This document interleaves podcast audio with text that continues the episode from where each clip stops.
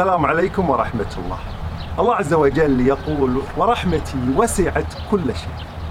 كل شيء وصلت إليه رحمة الله. وحينما نفتح مصحفنا ونقرأ نبدأ بالرحمة وبالله الرحيم بسم الله الرحمن الرحيم. هذه الرحمة التي قد ندرك بعضها وقد لا ندرك أغلبها. الله الذي خلقكم من في الحديث الرسول صلى الله عليه وسلم يقول أنزل الله عز وجل رحمة واحدة في الدنيا وأبقى ليوم القيامة 99 رحمة. وكل الناس اليوم تتراحم بهذه الرحمة.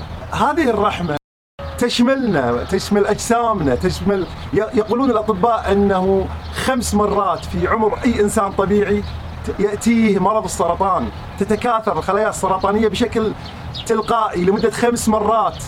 وأغلب الأجسام تتغلب على هذه الخلايا برحمة الله. الله الذي خلقكم من ضعف. وعلينا أن نثق أن الله عز وجل يعلم حالنا يعلم أوضاعنا ويعلم ما لا نعلمه ويرحم كل حياتنا وأوضاعها.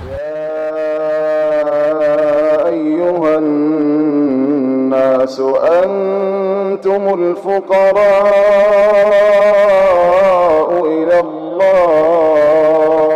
المؤمن كثيرا ما يتكل على رحمة الله. يثق أن الله عز وجل رحيم ورحمن وأن تقصيره وإخلاله وغفلته وخطأه المقصود والغير مقصود. ستأتي رحمة الله. ولذلك يستغفر. نقف في الصلاة ونكبر.